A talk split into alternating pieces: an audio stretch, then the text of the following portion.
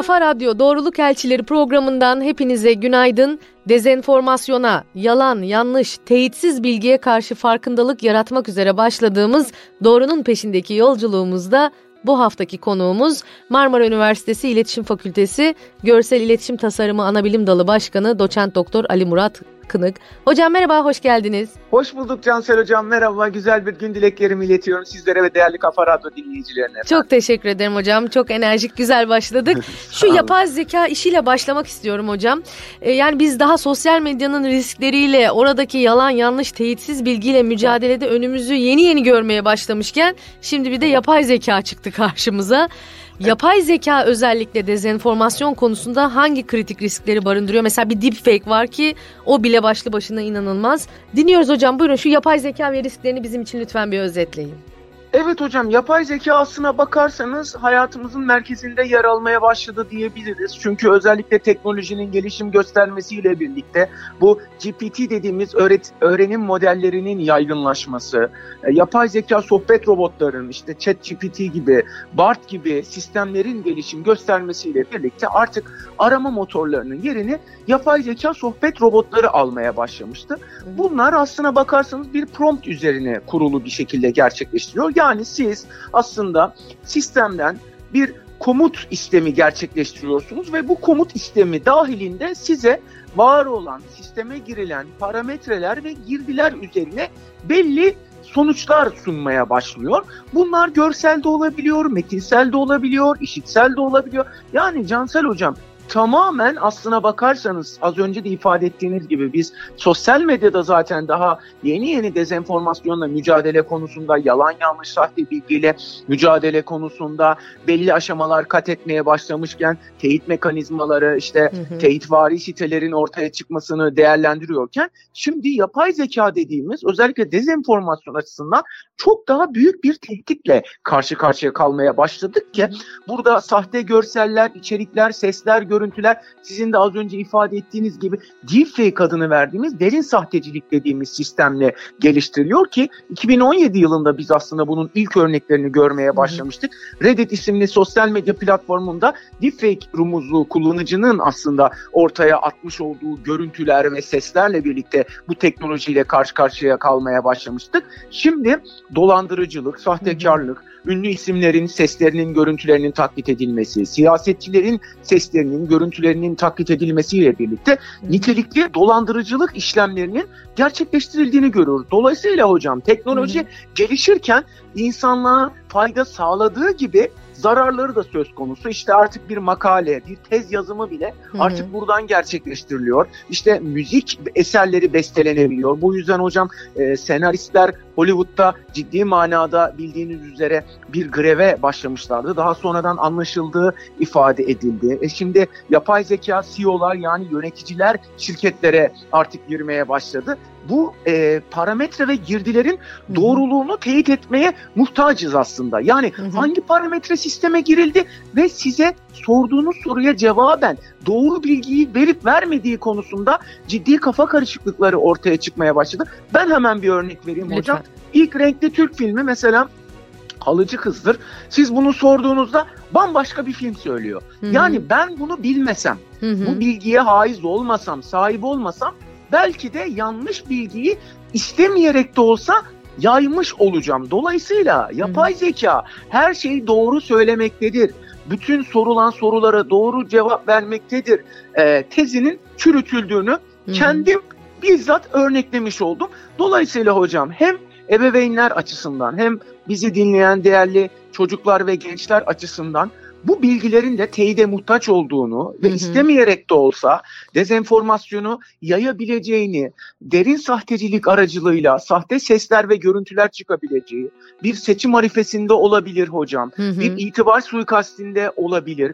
Bu tarz görüntülerin çıkarak aslında insanları yanlışa yönlendirebileceğini hiçbir zaman unutmamamız gerekiyor dijital kıyametin içerisindeyiz ve şu anda belki alametlerini görüyoruz. Yani işte sahte ses ve görüntülerin ortaya çıkması, insanların itibar suikastlerine uğraması, yalan yanlış bilgilerin, haberlerin, içeriklerin üretilmesi ve bunların sosyal medya aracılığıyla yayılması ve tamamen prompt dediğimiz bir komut aracılığıyla sizin bir görseli, bir içeriği oluşturabildiğiniz bir dijital yüzyıl içerisindeyiz, çağ içerisindeyiz.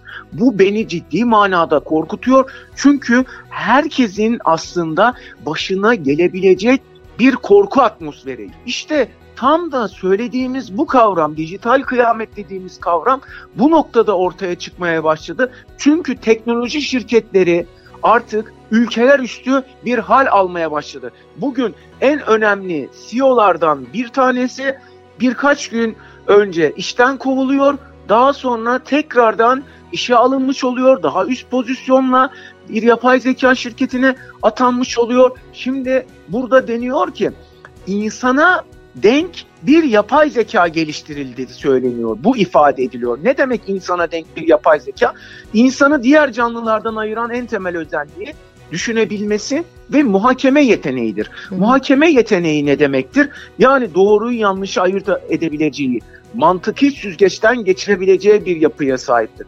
Dünyanın en büyük şirketlerinden bir tanesi e, CEO'sunu önce kovuyor, hı hı. daha sonra tekrardan işe alıyor.